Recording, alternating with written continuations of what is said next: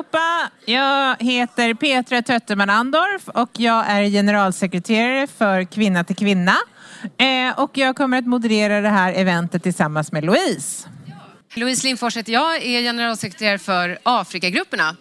Och vi två har ju idag fått glädjen att representera de 21 medlemsorganisationerna i Concord som också då sitter i jämställdhetsarbetsgruppen. Det här seminariet skulle ha hetat Mannen med den feministiska utrikespolitiken och det är ju kittlande i sig.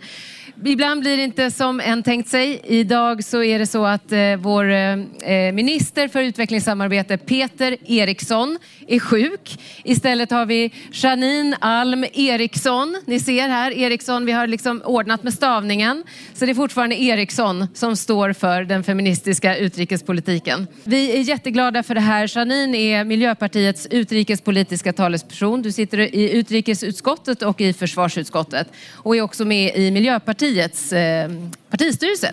Så det känns som att du är rätt eh, kvinna för jobbet att svara på våra frågor. Så varmt välkomna och tack för att du har kommit hit på så kort varsel. Verkligen, tack så jättemycket. När Sverige lanserade sin feministiska utrikespolitik så blev vi först i världen eh, med en sån uttalad politisk ambition. Och sedan dess så har eh, ett antal andra länder följt efter, eller några andra länder. Det är ju inte en försvinnande stor mängd. Men och samtidigt som vi ser den här positiva trenden så ser vi också då en direkt motsatt utveckling i ett flertal länder där kvinnorättsaktivister attackeras och vi ser ett aktivt inskränkande i flickors, i kvinnors och hbtqi personers rättigheter. Och Innan vi går vidare så vill vi också uppmärksamma att det här händer inte bara i länder, utvecklingsländer, i länder drabbade av konflikt där Kvinna till Kvinna Afrikagrupperna jobbar och många av Concords medlemmar jobbar. Det händer också i Sverige. Det finns personer och organisationer som lever under ständigt hot och vi vill passa på att påminna om eh, den jag ska inte säga den tomma stolen för den här har ju en fantastiskt vacker färgglad eh, regnbågsflagga på sig.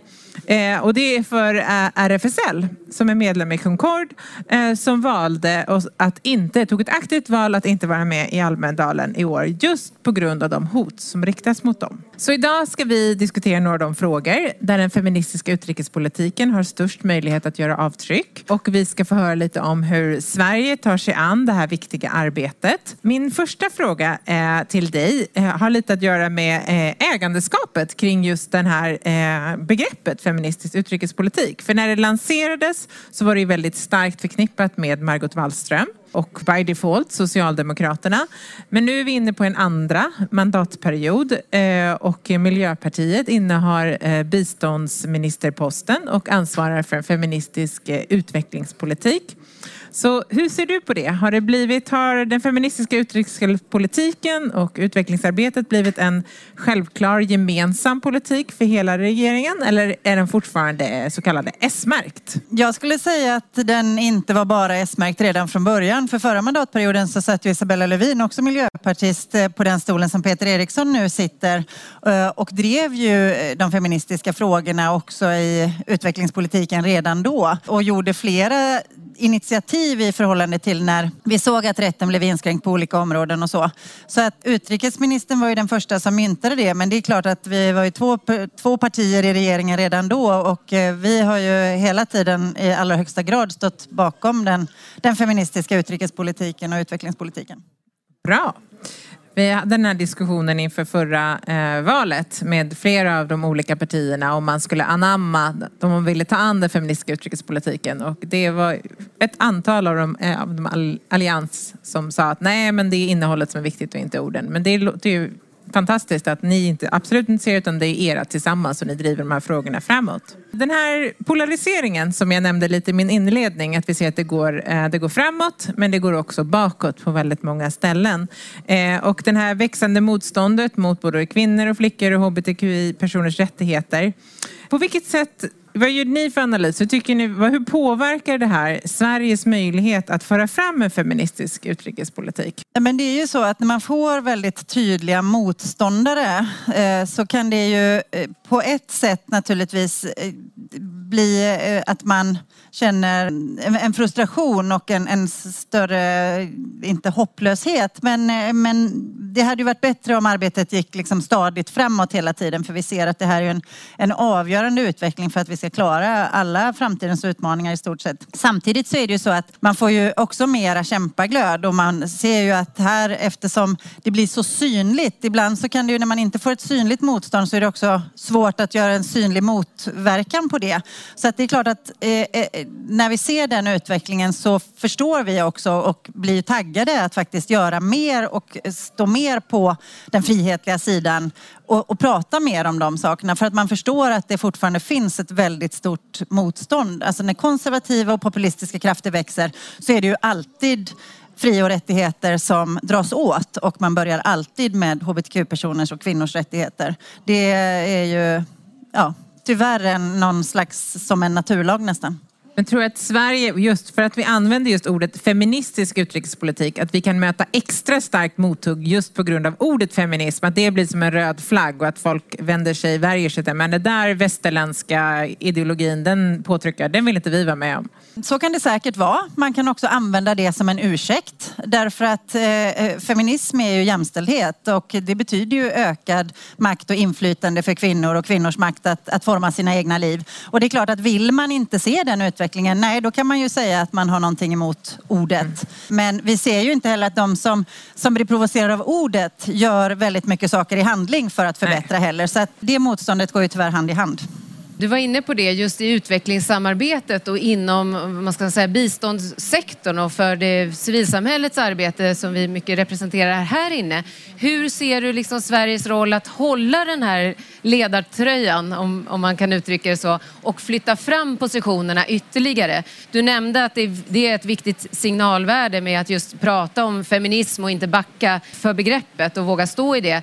Vad har ni för övriga strategier förutom att liksom använda det ordet strategiskt? Ja, det är ju allting som ligger i begreppet. För att det är klart att vi har inte bara lanserat ett ord som heter feministisk utrikespolitik Nej. utan där i ligger ju en handlingsplan och flera olika punkter och olika områden vi nu måste jobba med för att flytta fram kvinnors och flickors positioner uh, i världen. Och där har vi ju utbildning och rätt till hälsa och, och, alla de här delarna som finns i det. Så att ja, ibland har vi fått så här, ja, vad hjälper det att utropa en feministisk utrikespolitik? Nej, det hade ju varit, det är ju det första så att man också får fokus på frågan men det viktiga är ju det som sen görs. Eh, alla de här sakerna som vi ser att vi måste mm, flytta fram positionerna precis som du säger. Och sen, sen är det ju bra att någon har en, en position där man kan gå före. Men vi vill ju inte heller bara vara föregångare. Vi vill ju hitta fler att kroka arm med. För ju starkare den här gruppen blir som vill ta de här frågorna framåt och snabbare än vad det går idag. Eh, ju större vi blir desto fortare går det ju.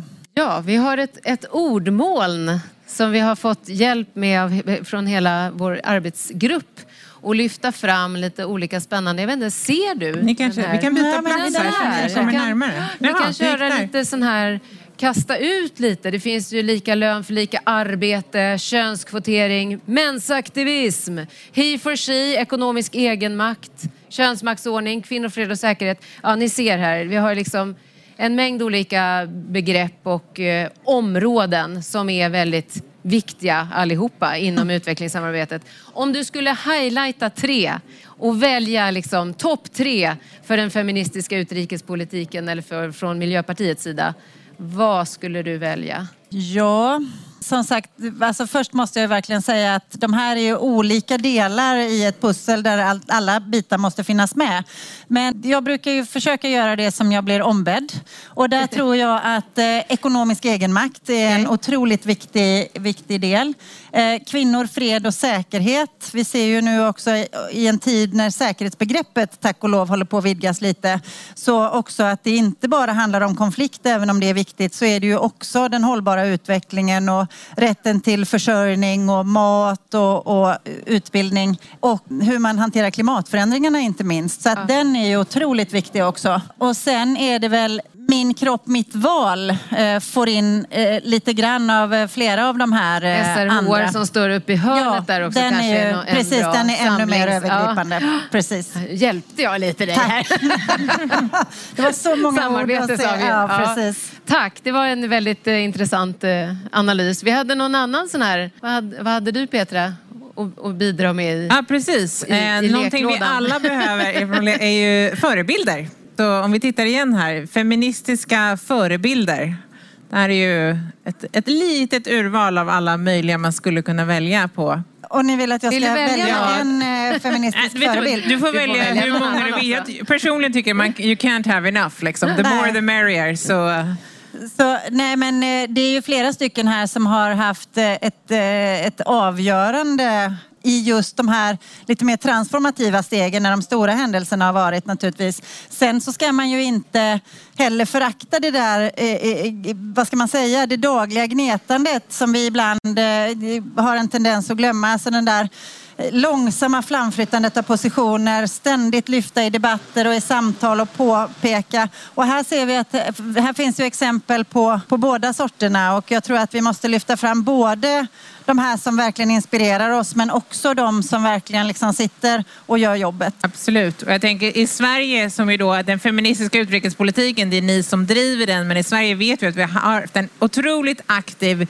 kvinnlig fredsrörelse i över hundra år som jag tänker att vi alla står på axlarna på och har kunnat komma till där vi faktiskt har en feministisk utrikespolitik. Ja, vi ska få lite frågor från våra eh, kollegor i jämställdhetsarbetsgruppen. Så jag ska be att få välkomna upp på scenen Sara Österlund från RFSU. Välkommen! Hallå!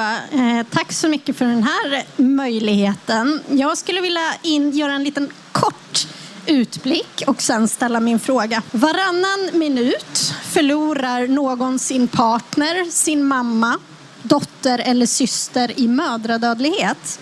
Medan det här seminariet pågår kommer 20 kvinnor eller flickor dö för att de är gravida eller föder barn. Och särskilt drabbade är såklart kvinnor och flickor som lever i fattigdom och i, Eh, eller är drabbade av humanitära kriser. Samtidigt ser vi att 200 miljoner kvinnor och flickor saknar tillgång till moderna preventivmedel och blir oönskat gravida och många tvingas genomgå osäkra aborter som leder ibland till att kvinnor och flickor dör eller får svåra skador. De goda nyheterna är att man beräknar att nio av tio dödsfall kopplade till graviditet eller förlossning faktiskt går att förebygga. Och mot den här bakgrunden så skulle man ju kunna tro att preventivmedel, sexualundervisning och säker abort var topprioriteter bland länder i världen och att det fanns ett globalt konsensus kring de här frågorna som kan rädda så många liv. Så är det ju inte. Tvärtom ser vi ett ökat motstånd eller åtminstone en mycket starkare polarisering än tidigare. I FN-förhandlingarna som rör SRHR har, har det alltid varit trögt kan man väl säga. Men det är ännu svårare idag, i synnerhet sedan USA har steppat upp sin politik och numera eh, motsätter sig alla skrivningar kring sexuella och reproduktiv hälsa och rättigheter. RFSUs fråga lyder som följer. Hur tycker Miljöpartiet att Sverige och EU och Sveriges roll i EU ska bemöta motståndet mot SRHR i FN? Exempelvis från oheliga allianser som USA, Ryssland, Vatikanstaten tillsammans. Och kan man göra det på ett smart sätt utan att bidra till ökad polarisering i de här frågorna? Nej, men vi tycker att det här är ju en otroligt viktig fråga. Det är ju eh, helt oacceptabelt egentligen utifrån ett, ett perspektiv att det fortfarande får fortgå. Och man kan ju verkligen undra hur det kan finnas så många män där ute som vill hindra att kvinnor överlever. En abortlagstiftning som, som ser ut som den gör i många delar av världen och som den såg ut här för inte jättelänge sedan är en politik som dödar kvinnor. Det måste vi tydligt tala om, om och om igen. Samtidigt så är det ju så att det är ju inte alltid man kan tvinga ner ett motstånd genom att vara tydlig i offentligheten. För det finns ju också, alltså politik handlar ju eh, om många eh, saker som också ska göras avvägningar kring och så. Och därför så är det ju också väldigt viktigt hur hur vi agerar ute på fältet så att säga. Där den feministiska utrikespolitiken och den utpekningen har gjort att våra ambassader och eh, Sida jobbar med den här frågan väldigt strukturerat men kanske inte fullt så synligt. Man hittar hittar vägar. För det finns ju också väldigt många i de här eh, kontexterna där det då är förbjudet och där man har en väldigt hög eh, svansföring i att, att det är förbjudet eh, så finns det ju också många som faktiskt ser den tragedi som händer. Som kanske har förlorat eh, en, en fru eller en syster eller en mamma. Så att det, det går att hitta vägar och jag tror att vi måste göra båda. Vi måste vara väldigt tydliga med att det här är mänskliga rättigheter som måste utökas. Vi måste sluta ha politik som dödar kvinnor. Men vi måste också jobba i de kontexterna där vi befinner oss och hitta vägar framåt för att faktiskt inte bara prata utan också rädda kvinnor. Tack för det. Och då vill jag välkomna upp Jon Bergå från Rädda Barnen att ställa den andra frågan. Hej, jag ska ställa en fråga om vapenexporten till Jemen. Jemen är ett land där Rädda Barnen har funnits sedan 1963 faktiskt. Det var det första landet där Rädda Barnen Sverige hade ett eh, program. Nu, just nu så är Jemen den värsta humanitära katastrofen i världen enligt FN. Eh, Rädda Barnen uppskattade i slutet av förra året att minst 85 000 barn mellan 0 och 5 år har dött som en konsekvens av det här kriget. Jemen var redan innan konflikten ett av världens mest ojämlika länder och konflikten har förvärrat den situationen. Eh, barnäktenskap har ökat, Eh, mödradödligheten har ökat, eh, det genusrelaterade våldet mot kvinnor och flickor har ökat och grave violations against children, grova brott mot barn. Vanligt förekommande bland annat har skolor bombats som vi stödjer och sjukhus. Rädda Barnen har en kampanj, vi, firar, eller vi fyller 100 år i år. Och den kampanjen handlar om att stoppa kriget mot barnen där kriget i Jemen är ett av de tydligaste exemplen på det. Då menar vi att vi måste hålla de som begår de här grova övergreppen till svars.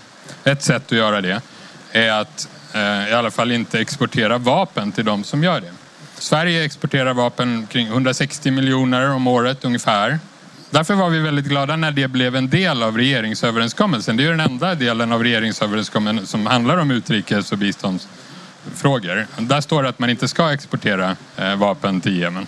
Men när vi pratar med den myndighet som reglerar det här, ISP heter den, då säger de att om den här regeringsöverenskommelsen ska få någon sorts, prak, någon sorts betydelse för praxis, att den ska ändras, liksom, då behöver den förtydligas och då måste regeringen eh, ge det som ett tydligt liksom, besked till ISP att de krigförande länderna i, i Jemen Eh, de besluten ska flyttas från ISP till regeringen eller på något sätt förtydliga. Och det har inte hänt. Så att, som det är nu så betyder inte den där punkt 70 så som vi förstår den, eh, någonting. Den får liksom ingen effekt. Så då är frågan eh, till oss, till Miljöpartiet då. När kommer den här förtydligandet eller vad, vad händer med punkt 70 i regeringsöverenskommelsen? Tack. Nej, men vapenexporten är ju en, eh, en otroligt eh, en, en, fråga som vi har engagerat oss i väldigt länge och eh, vill verkligen eh, vara tydliga med att vi ser att en svensk vapenexport är oerhört dåligt för den hållbara utvecklingen i världen. När det kommer till just den här frågan eh, om punkten i, i överenskommelsen så var det ju vi som kämpade eh, in i det sista med att få med den. Eh, och sen är det ju som det ibland händer då i politiken att den man tror att man förhandlar in någonting som då är klart och så ska det eh, bli verklighet. Eh, och sen så kommer det delar ur ja, myndighetsutövning och annat eh, som kommer emellan. Men det som står i punktprogrammet ska ju uppfyllas. Jag kan tyvärr inte. Hade jag varit den andra Eriksson så hade jag kanske vetat lite mer precis var någonstans i processen vi har frågan. Men jag vill verkligen understryka vikten av att att vi ser den som otroligt viktig och tänker inte låta det stoppa med att det visst var liksom lite andra hinder på vägen utan då får ju regeringen hantera dem helt enkelt och, och flytta fram den positionen som vi ju är överens om. Tack så mycket. Då ska vi välkomna upp Erika Eckeskog från Naturskyddsföreningen. Varmt välkommen med er fråga. Hej, tack så mycket. För att överrösta både karaoke och ösregn här. Eh, vi ser i eh, både vårt svenska och det internationella arbetet att kvinnor drabbas hårdast av klimatförändringar. Och eh, både jämställdhet och klimatfrågan är ju under attack internationellt sett. Konservativa krafter förnekar och förminskar båda de här frågorna. Och vilken koppling ser du mellan en feministisk utrikespolitik och klimatpolitiken? Och vad är den viktigaste satsningarna som Miljöpartiet kommer att göra för att föra en feministisk klimatpolitik i biståndssammanhang? Tack. Jag kan ju börja med att säga att just den kopplingen som du gjorde i din inledning är ju det som vi också ser väldigt, väldigt tydligt att, det, eh, att klimatförändringarna drabbar kvinnor och flickor hårdare. Eh, och det är ju också en anledning till att vi behöver hantera dem som en fråga. Vi ser ju också att en, en lösning på det är ju att ge kvinnor och flickor mera, alltså att vi får ett mer jämställt samhälle. För om vi ger kvinnor och flickor mer makt, mer utbildning, mer eh, ekonomiska möjligheter till egenförsörjning, till att eh, bruka sin jord som man vill, eh, så ser vi ju också att det är ju en av nycklarna till att faktiskt klara eh, klimatutmaningen.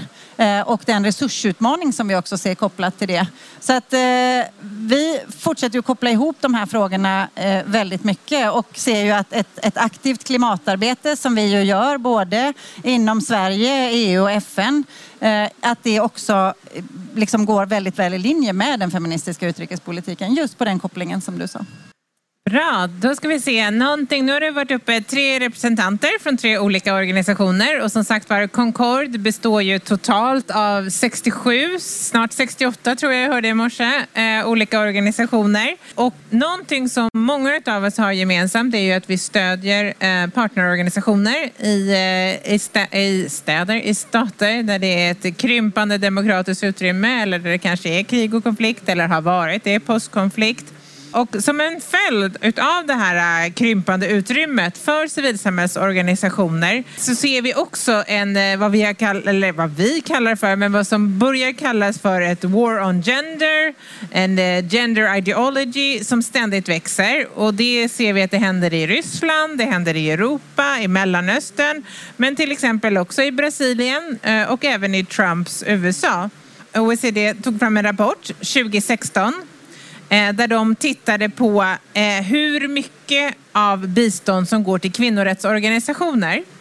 Och den siffran som kom fram pekar på att utav biståndsmedel öronmärkta för jämställdhetsarbete i fattiga länder så går 0,5 procent direkt till kvinnorättsorganisationer. Och då är det alltså bara utav det, det, den delen av biståndet som ska gå till jämställdhetsarbete. Så om man tittar på allt biståndsmedel så antar jag att det går inte ens antagligen att få fram. Det blir 0,00000 någonting. Så hur eh, tänker ni kring att kan den här frågan prioriteras annorlunda under den kommande mandatperioden?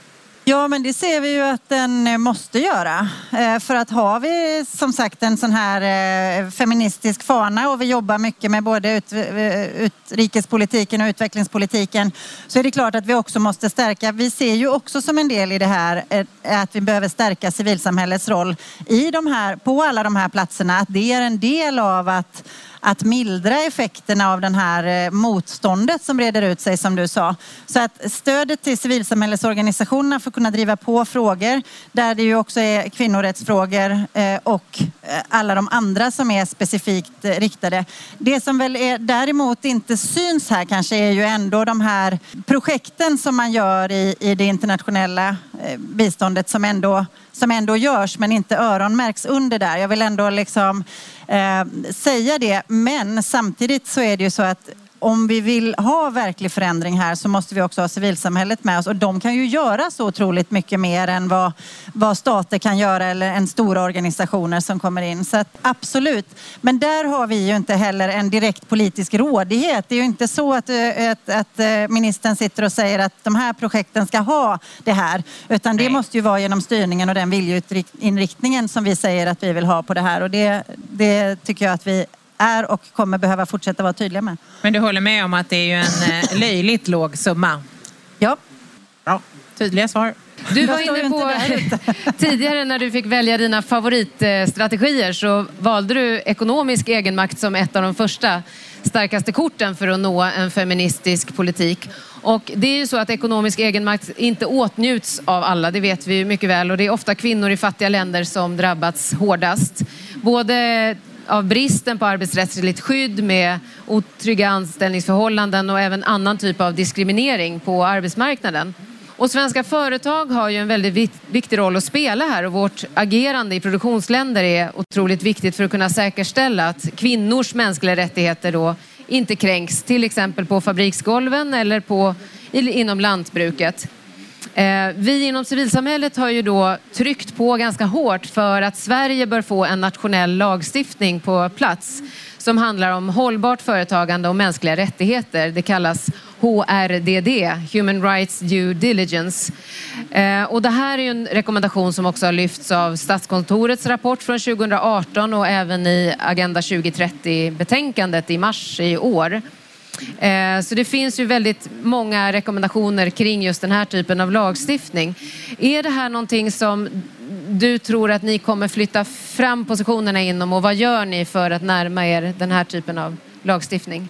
Jo, men vi har ju också varit tydliga med att vi vill ha det. Eh, så att vi ser ju att det är ju eh, den här problematiken som du säger är ju också väldigt tydlig. Och vi vill ju inte att våran, alltså vi pratar ju oftare konsumtion kanske ur ett eh, resurslöseriperspektiv, men den sociala aspekten är ju eh, lika om inte än viktigare för det handlar ju om de som som lever under ibland förfärliga eh, situationer just nu. Så att vi ser ju att eh, det är viktigt att vi skulle få ett sånt. Det är också en del i konsumentmakt och att man ska kunna välja mera som, som konsument. Sen eh, är det väl helt enkelt så att vi får fortsätta och eh, till exempel så är det ju eh, som i den svenska politiken, tyvärr tråkigt men eh, också bra faktiskt, att vi behöver ju titta på saker och utreda hur vi ska genomföra det så att det också blir verksamt. Så att en, väg, en första väg att gå är väl att få in att vi tittar på en, en, en utredning som skulle kunna se hur vi kunde implementera det här.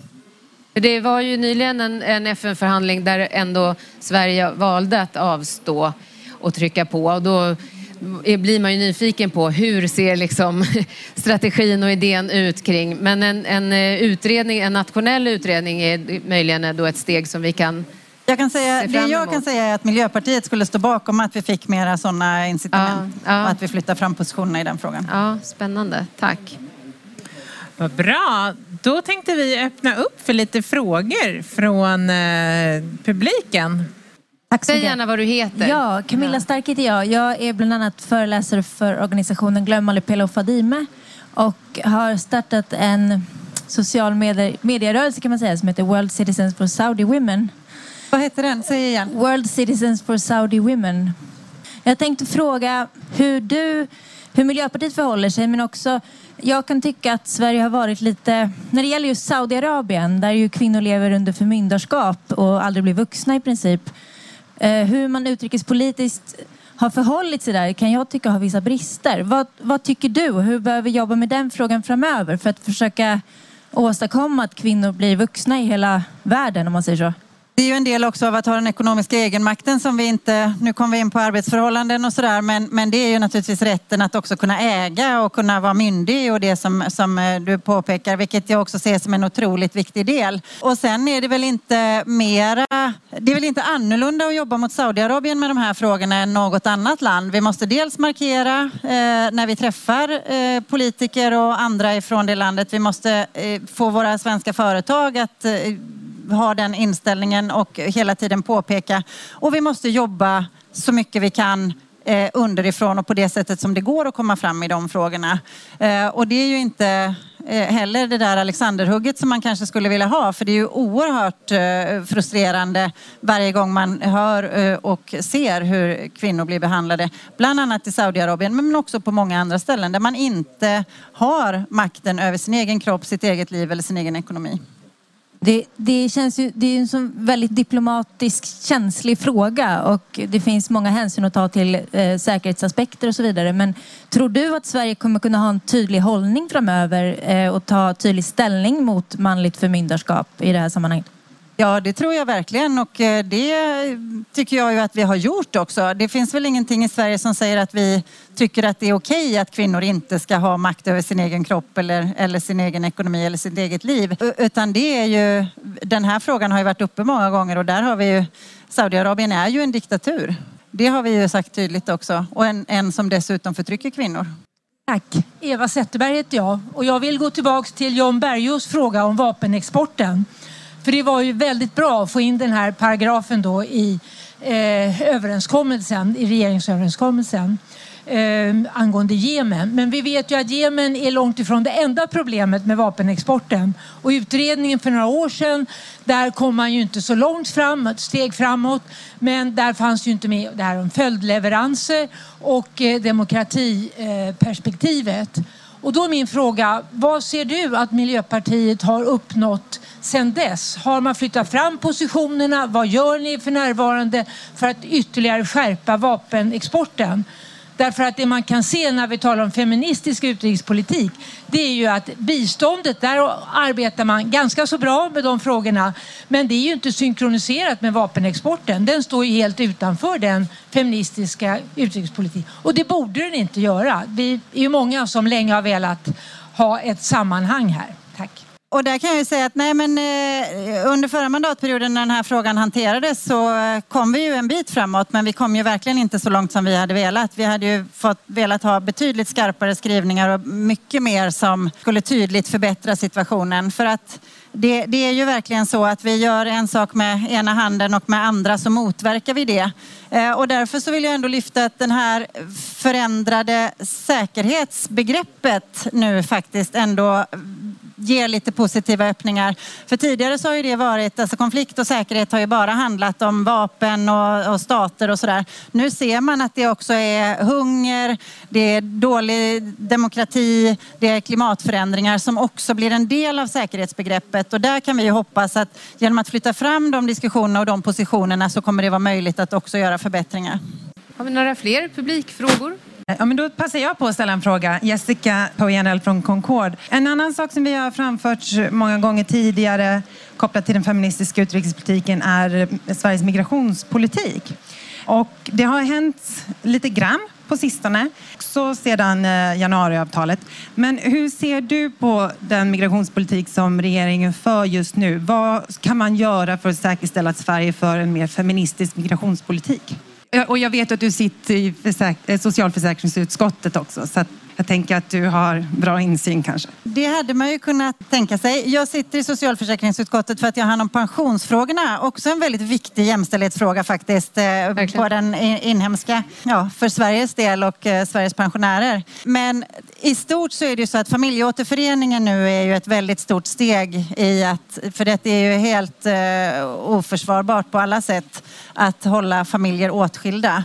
Det bidrar inte till integration och det bidrar liksom inte till en stabilitet. Så att vi är ju väldigt glada att det äntligen har blivit fallet. I övrigt så är det ju så att vi har gjort en migrationsöverenskommelse och eh, den är ju verkligen inte i alla delar som Miljöpartiet skulle vilja ha den. Eh, vi skulle ju vilja se en helt annan med bland annat fler lagliga vägar där människor slapp att dö på sin väg för att söka asyl. Eh, men det är ju ett, ett ganska stort eh, och komplext område. Men medmänskligheten och mänskliga rättigheter perspektivet och, och rätten till asyl måste ju hela tiden finnas där och det står vi ju upp för tydligt ställer jag gärna en följdfråga apropå din expertis inom pensionsfonderna. eh, AP-fonderna. Nej men apropå eh, hållbart eh, så att företagen har ett ansvar och vi har ju också ett statligt ansvar och våra pensionspengar investeras ju. Det är ju väldigt stora investeringar som ändå Sverige gör. Hur ser ni möjligheten att trycka på där för både hållbarhet men också mänskliga rättigheter framförallt och jämställdhet och så att den typen av investeringar också tryggar en utveckling globalt? Ja, men och där har det ju också varit en ganska hård kamp faktiskt för att vi hade ju inte från början en riksdag som eh, hade majoritet för det. Nu har vi ju sakta men säkert med Per Bolund som då var finansmarknadsminister eh, eh, också förra perioden kunde flytta fram positionerna där, där vi faktiskt ändå fick skrivit in att de svenska pensionspengarna ska investeras hållbart. Och med hållbart menas ju både ekonomiskt, socialt och ekologiskt. Så att där ser vi ju att det finns ju en otroligt lång väg att gå. Men eh, fjärde AP-fonden har ju också i sitt innehav ett, ett, eh, börjat titta lite mer på det här och se hur man Därför att en farhåga är ju för de som är motståndare att det skulle urholka den ekonomiska tillväxten i de här delarna och det är klart att det skulle eh, göra eh, dåligt utslag på pensionerna. Vi tror ju inte att det är så. Vi tror ju att det går att investera hållbart och att det finns framtidsinvesteringar som är, är hållbara både socialt och ekologiskt eh, och Ja, det är ju ändå statistiskt klara. försvarbart. Eh, Exakt. men, Ja. men det finns för lite eh, sådana exempel att peka på för att de som är rädda ska känna sig tillräckligt säkra. Ja. Men så sakta men säkert jobbar vi på det. För det är klart att får vi, vi måste ju få de pengar som investeras i Sverige eller i världen idag att gå i hållbar riktning både när det gäller mänskliga rättigheter men också när det gäller klimat och miljö. Det är ju, den feministiska utrikespolitiken har ju varit väldigt liksom som ett flaggskepp men det är ju en feministisk regering eh, som har också uttalats. Hur troligt är det tror att vi får, kommer få höra talas om en feministisk handelspolitik eller en feministisk försvarspolitik eller någonting liknande? Ja, egentligen eftersom vi säger att vi är en feministisk regering så borde, det, ju- så borde ju varje område då vara naturligtvis med feministiska förtecken. Eh, men sen tror jag att det är viktigt, eh, när jag sa i början att vi pratade om att den feministiska utrikespolitiken har varit oerhört viktig för att dels att vi får ett ord men också att det måste fyllas med handling. Så att ska vi också lägga det feministiskt framför varje politikområde då måste vi också se till att vi höjer ambitionerna och får en, en feministisk handlingsplan under varje område. Så att, eh, och där finns det ju mycket att göra fortfarande i Sverige också. Vi har ju inte full jämställdhet även om vi är ett föregångsland på många sätt. Ja, nej men det tror jag att förra årets metoo-rörelse och även det, det vi ser och några av de teman vi har tagit upp här också, att det finns mycket att göra i Sverige och det är också viktigt att vi i Sverige driver på den här agendan, vilket är något som vi får höra från våra partnerorganisationer, särskilt när det ser ut som det gör i världen. Med den här polariseringen så måste vi och Sverige, vi måste vara här borta. För de drar här och om vi håller oss i någon sorts mittenläge då förskjuts det. Det är liksom hela tiden, det är som en gummisnodd liksom. Det är, det är faktiskt inte så att alla är vinnare utan vi måste driva på. Och det är otroligt viktigt att den svenska feministiska rörelsen och civilsamhällsrörelsen driver på de här frågorna för det ger lite leeway till våra partners i länder som inte kan göra det. Och ett annat viktigt medskick är ju också just det här stödet till civilsamhället i sin egen rätt. Och det är ju något som vi diskuterar givetvis väldigt mycket inom Concord men också med och ibland mot politiker men, men tillsammans med Sida framförallt. Och, och eftersom hotet och säkerhetsläget hela tiden skruvas åt. Och vi ser våra aktivister och våra partners hotade men vi upplever också ett hot mot oss själva och vår beredskap måste öka. Så finns det ju många saker man kan göra också rent institutionellt och liksom att bygga demokratin inifrån där Sverige ändå har en väldigt stor potential. Vi har pratat om att kanske trycka på för att eh, öka förvaltningsanslaget i Sida för att kunna kapacitetsutveckla oss själva liksom och få ett starkare stöd för civilsamhället här och för att vi då ska kunna jobba med det globalt. Men det har varit otroligt spännande att få ta del av dina reflektioner, eh, din kunskap och fantastiskt gott att du ställde upp på, på så kort varsel och var så vältalig. Om du vill läsa på ännu mer så har vi här då civilsamhällets deklaration för en feministisk utrikespolitik som är en liten pamflett som Concord har tagit fram som du med varm hand får njuta som kvällslektyr. Du har klarat vår lilla utfrågning. So this is what a feminist looks like. Ja. Tack så mycket. Tack så mycket. Den kommer jag bära med stolthet. Tack så jättemycket. Tack.